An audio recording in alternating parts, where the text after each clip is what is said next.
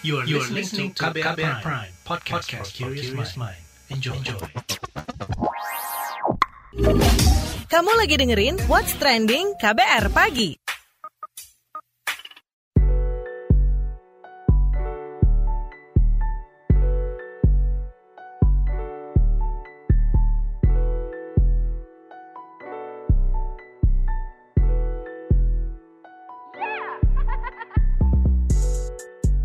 KBR Pagi, siaran pagi radio paling update. Selamat pagi, apa kabar Anda hari ini di hari Kamis 23 Desember 2021? Kembali lagi saya Don Brady menjadi teman pagi hari Anda semuanya di What's Trending KBR Pagi pastinya. Pagi ini kita ngobrolin soal marak tagar protes kinerja buruk kepolisian. Jadi kinerja penegakan hukum di Indonesia dinilai makin merosot beberapa bulan terakhir.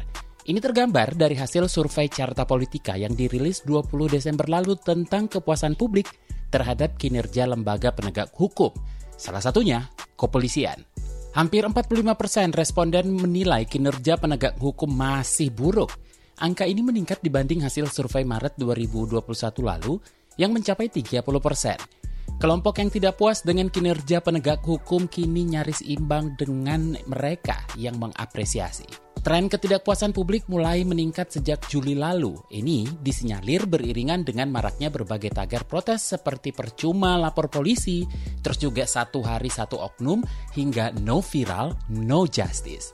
Tagar tersebut bermunculan di media sosial dipicu terungkapnya kasus-kasus pembiaran oleh kepolisian. Hingga Desember 2021 tercatat ada sejumlah kasus yang baru ditangani serius setelah viral. Misalnya, kasus pelecehan seksual terhadap pegawai Komisi Penyiaran Indonesia KPI, dan kasus pemerkosaan terhadap tiga anak di Luwu Utara oleh ayah kandungnya. Wajah institusi Polri makin tercoreng oleh anggotanya sendiri sebagai pelaku kekerasan. Di Jawa Timur ada kasus bunuh diri yang dilakukan perempuan berinisial NWR, korban kekerasan seksual yang dilakukan anggota polisi. NWR menenggak racun dan ditemukan tewas di atas makam ayahnya. Kasus ini menyedot perhatian publik. Yang terbaru, protes terhadap ketidakprofesionalan polisi dipicu kasus perampok di Jakarta Timur. Korban bernama Meta Kumala justru diomeli anggota polisi sektor Pulau Gadung saat menceritakan kronologi perampokan yang dialaminya di Rawamangun. Ia kehilangan uang 7 juta rupiah dan beberapa barang lainnya. Geram dengan perilaku polisi, Meta mengunggah kisahnya ke media sosial. Kasus ini berujung permintaan maaf dari Kapolsek Pulau Gadung kepada Meta dan berjanji bakal memperbaiki kesalahan bawahannya. Well, kita bakal bahas lebih lanjut soal ini, tapi sebelumnya kita simak dulu opini netizen plus 62 berikut ini.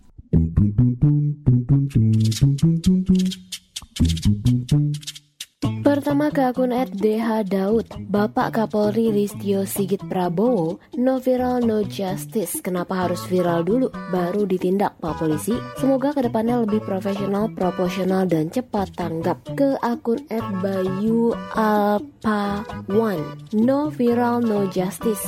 No berlaku buat yang onono selama masih abdi penguasa bukan abdi negara. Ke akun @danurdn, ya kalau nggak viral nggak bakal diproses lah. Mau buat surat kehilangan aja biasanya bayar. Huh, udah kehilangan disuruh bayar lagi ke akun NV Touch viral aja belum tentu tuntas. Kalau akun at joyboy underscore triple enam, please mumpung akhir tahun evaluasi diri baik pribadi maupun institusi ke akun at indi. Semoga beneran berbenah dan menjadi lebih baik. Terakhir akun at xplix hit content. Pembenahan tentu harus didukung. Semoga Polri sebagai instansi dan jajaran kepolisian dari atas hingga ke bawah punya sinergitas untuk ke arah yang jauh lebih baik. Semangat! What's Trending KBR Pagi masih di What's Trending KBR Pagi, kita lanjutkan obrolan kita pagi ini. Jadi, Lembaga Bantuan Hukum YLBHI menilai kinerja buruk penegak hukum salah satunya polisi ibarat fenomena gunung es.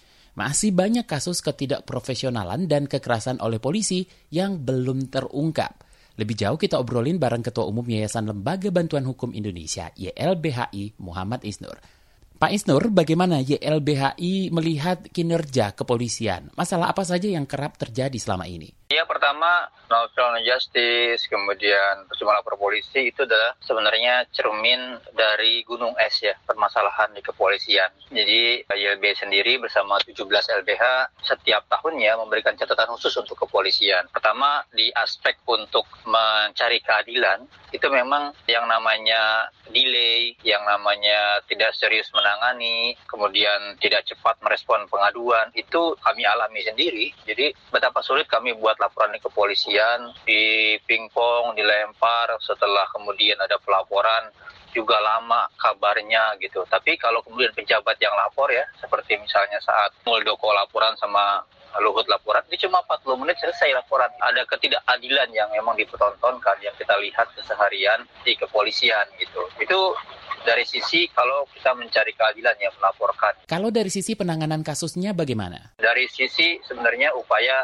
masyarakat sebagai terlapor atau masyarakat sebagai masyarakat sipil gitu. Kita tahu bersama bahkan kepolisian menjadi lembaga yang kami ya, catat dalam laporan kami sebagai lembaga tertinggi terlapor dalam aspek menghambat ya, aspek melanggar kebebasan ber, berekspresi dan berpendapat. Kepolisian menjadi lembaga yang melakukan pelanggaran terutama di penangkapan-penangkapan penangkapan terhadap demonstrasi, kriminalisasi terhadap misalnya orang kritik ya terhadap pemerintah, penggunaan undang-undang ITE yang ngawur ya, terus penggunaan pasal makar dan lain-lain. Intinya sih kepolisian menjadi alat pembungkam kebebasan berekspresi dan berpendapat gitu. Itu catatan kami menuliskan itu. Juga kepolisian menjadi alat untuk para pemodal ya dan pemerintah dalam menggusur atau merampas ruang hidup rakyat. Jadi kayak misalnya kasus Wadas, kasus di mana mana-mana di Kodingareng, kasus di Sopeng atau apa gitu ketika masyarakat berkonflik dengan perusahaan, berkonflik dengan pembangunan, polisian menjadi alat buat merampas ya, membungkam, mengkriminalkan perjuangan warga gitu menjadi alat buat slap suit dalam bahasa HAM-nya itu strategic lawsuit against partisipasi publik. Jadi penghambat publik untuk berpartisipasi sebagai warga negara. Nah, kalau menurut masyarakat sipil, perubahan seperti apa yang diharapkan dari kepolisian? Harus perubahan secara mendasar ya. Pertama dari segi tata kelola tata pengelolaan kelembagaan itu harus sebenarnya unsur-unsur atau praktik-praktik misalnya KKN ya, korupsi kolusi nepotisme suap itu harus dibersihkan.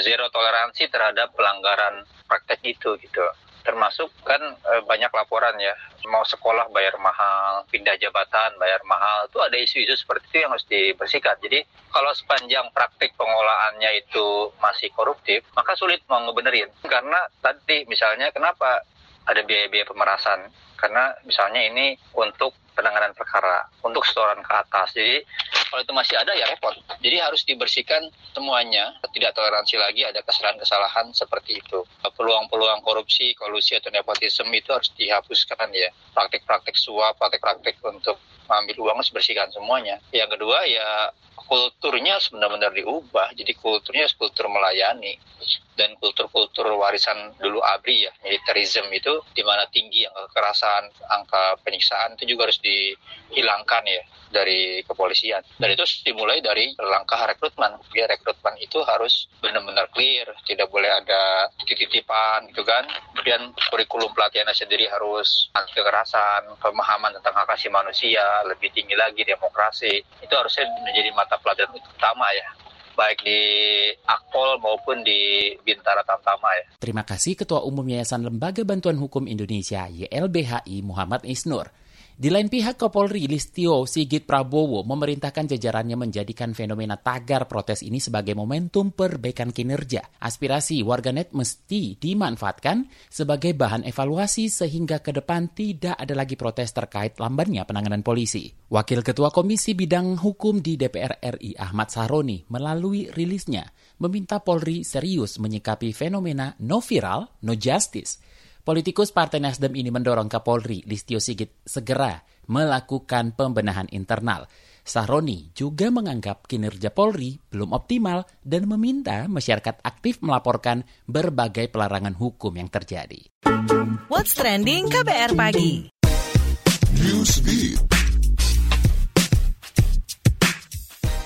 Amerika Serikat menyiapkan 500 juta alat rapid test COVID-19 gratis. Nantinya warga bisa melakukan pengetesan mandiri di rumah mulai Januari tahun depan. Inisiatif ini diambil Presiden Joe Biden guna melawan penyebaran varian Omikron. Selain itu, Biden juga menyiagakan seribu tenaga kesehatan militer untuk membantu rumah sakit yang mulai kewalahan menangani pasien COVID-19. Biden terus mengimbau warganya bersedia divaksin untuk mencegah keparahan jika terinfeksi virus corona. Perusahaan farmasi Moderna bakal mengembangkan vaksin booster khusus varian Omicron mulai awal tahun depan. Kepala Eksekutif Moderna, Stefan Bansel, menyatakan tahap uji coba akan memperlihatkan tingkat kemanjuran vaksin melawan Omikron. Melansir Reuters, Bansel mengklaim vaksin buatan perusahaannya hanya butuh penyesuaian minor. Meski begitu, Moderna mengakui perlu waktu beberapa bulan untuk mengembangkan sampai mengantongi persetujuan penggunaan vaksin booster tersebut. Pasalnya, ada kemungkinan otoritas pengawas obat dan makanan Amerika meminta penelitian lanjutan. Film Doctor Strange in the Multiverse of Madness telah menyelesaikan proses syuting ulang dan dijadwalkan tayang pada 6 Mei 2022. Pemeran Doctor Strange, Benedict Cumberbatch, menyatakan syuting ulang dilakukan untuk meningkatkan kualitas film. Terlebih, rilis film Spider-Man No Way Home dan serial Loki juga berkutat dengan cerita multi semesta. Film Doctor Strange 2 ini disebut-sebut akan memperkenalkan beberapa karakter dan figuran baru sebagaimana dikabarkan Hollywood Reporter. Meski demikian, belum ada bocoran tentang siapa saja karakter baru yang dimaksud.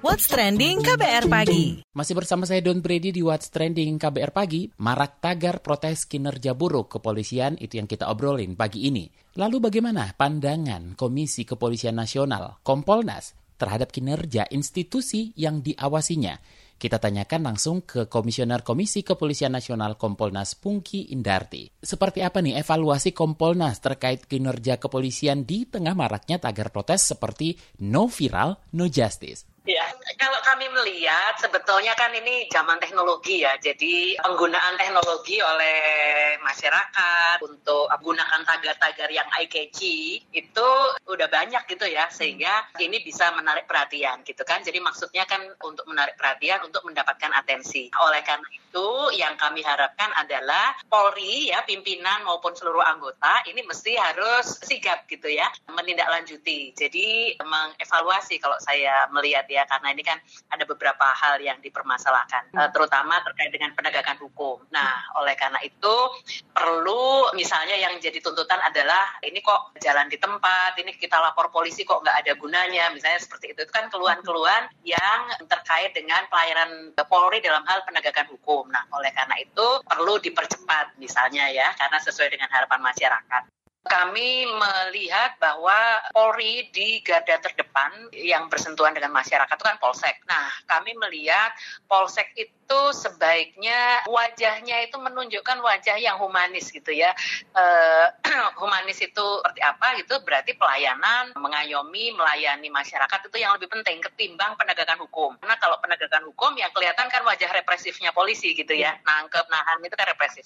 Nah, oleh karena itu untuk pelayanan mengayomi, melayani. Jadi Polsek sebaiknya kami merekomendasikan Polsek sebaiknya melakukan tugas-tugas Harkam Tipmas. Jadi lebih fokus di Harkam Tipmas. Nah, berapa banyak aduan soal buruknya kinerja kepolisian yang masuk ke Kompolnas? Pengaduan-pengaduan masyarakat yang masuk di Kompolnas. Kami rata-rata per tahun itu antara 3.000 sampai 4.000-an pengaduan dilayangkan ke Kompolnas. 80 persen itu di antaranya terkait dengan dugaan pelayanan buruk. Nah, pelayanan buruk itu apa? Tadi kasus-kasus yang udah dilaporkan tapi terus kemudian kemajuan kasusnya seperti apa terus administrasinya kan biasanya kalau kasus dilaporkan terus kemudian ada pemeriksaan nah ada kemajuan ada update. Butuh SP2HP itu yang ingin diketahui oleh eh, masyarakat oleh pengadu nah jadi 80% rata-rata itu. Nah 90% dari yang diadukan ke Kompolnas kebanyakan itu menyangkut kinerja reserse. Nah jadi kan dalam tataran penegakan hukum. Nah oleh karena karena itu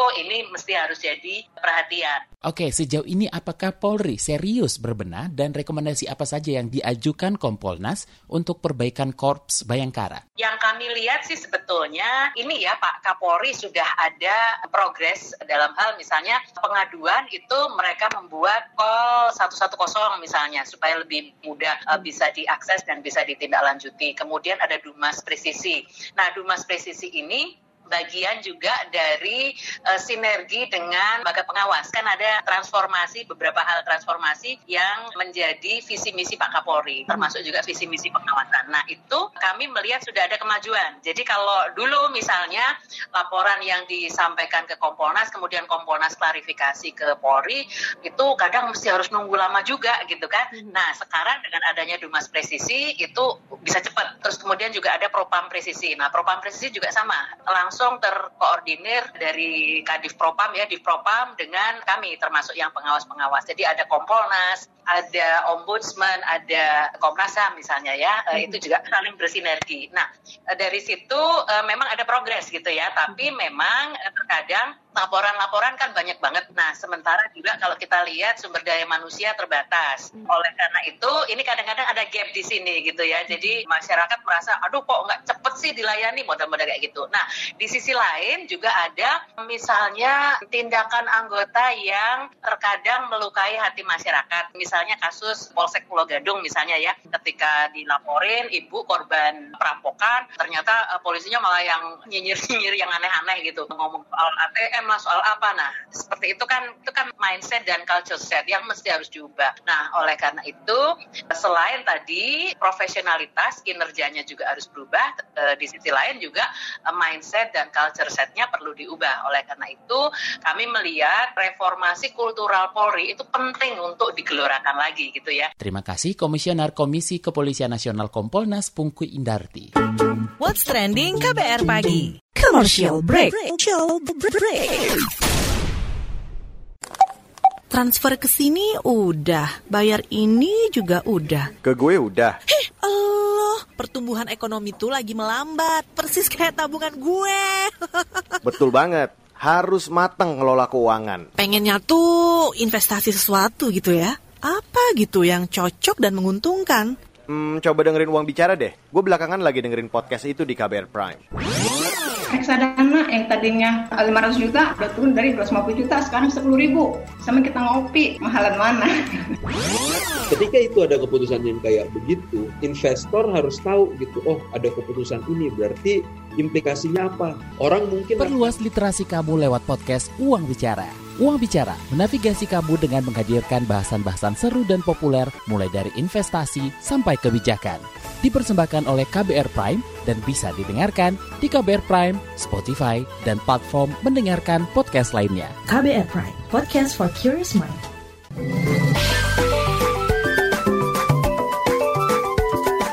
WhatsApp Indonesia. WhatsApp Indonesia hari ini kita mulai dari Bandung, Jawa Barat. Istri Heri Wirawan diduga terlibat dalam kejahatan pemerkosaan yang dilakukan suaminya terhadap 12 santriwati. Ia diduga mengetahui dua santri tengah hamil tetapi tidak melaporkannya. Hal itu diungkap pengacara para korban Yudi Kurnia di Pengadilan Negeri Bandung. Menurutnya, tindak pembiaran yang dilakukan istri Heri bisa masuk ranah hukum. Informasi ini bermula dari video di platform YouTube yang menampilkan istri Heri mengaku tahu tentang kehamilan dua santriwati, tetapi mengklaim tak mencurigai suaminya sebagai pelaku. Saudara, sejauh ini persidangan terus berjalan dan telah memeriksa 20 saksi dari pihak korban. Selanjutnya menuju Jakarta. Badan Meteorologi, Klimatologi, dan Geofisika BMKG mengeluarkan peringatan dini potensi bibit siklon tropis yang terpantau di Laut Timor hingga Laut Arafura. Kepala BMKG Dwi Korita Karnawati mengatakan, peringatan dini ini berlaku untuk tiga hari ke depan, berupa potensi hujan dengan intensitas sedang hingga lebat, angin kencang, dan potensi gelombang tinggi hingga 4 meter. Sejumlah daerah yang berpotensi dilanda hujan sedang hingga lebat yakni Nusa Tenggara Barat, Nusa Tenggara Timur, dan Maluku. Kemudian daerah dengan potensi angin kencang di antaranya Sulawesi Tenggara, NTT, dan Maluku. Adapun wilayah yang berpotensi dilanda gelombang setinggi 2,5 meter adalah wilayah Laut Seram, perairan Kaimana, perairan Kepulauan Aru, perairan Kepulauan Sermata hingga Tanibar, perairan Amamapari hingga Agat sebagian utara, dan di Laut Arafura. Sedangkan wilayah dengan potensi gelombang tinggi hingga 4 meter adalah Laut Flores bagian timur, perairan selatan Bau-Bau hingga Kepulauan Wakatobi, Laut Banda, perairan selatan Pulau Buru, Pulau Seram, perairan Kepulauan Kai, serta perairan Fakfak. Terakhir mampir Papua. Banyak warga Papua yang merayakan Natal di pengungsian tahun ini. Mereka terpaksa pergi dari kampungnya karena terdampak konflik antara aparat dan kelompok bersenjata. Hal itu diungkapkan Presiden Gereja Injili di Indonesia atau GIDI, Dorman Wandikbo. Beberapa daerah yang warganya mengungsi antara lain Kabupaten Yahukimo, Kabupaten Duga, dan Kabupaten Puncak. Sebagian warga bahkan memilih tinggal di hutan. Dorman meminta semua pihak menciptakan suasana damai agar warga di seluruh Papua bisa merayakan Natal dengan tenang. Ia mengingatkan aparat dan kelompok bersenjata tidak melakukan tindakan yang membahayakan dan meresahkan warga. Dorman menegaskan tak boleh ada penembakan saat Natal, pembakaran fasilitas publik dan rumah warga, maupun menggelar operasi militer. Demikian WhatsApp Indonesia hari ini. Demikian kabar pagi hari ini. Jika Anda tertinggal siaran ini, Anda kembali bisa menyimaknya di podcast What's Trending yang ada di Spotify, kbrprime.id, dan di aplikasi mendengarkan podcast lainnya. Don't Brady, undur diri. Besok kita ketemu lagi ya. Stay safe. Bye-bye. Terima kasih ya sudah dengerin What's Trending KBR Pagi. KBR Prime, cara asik mendengar berita. KBR Prime, podcast for curious mind.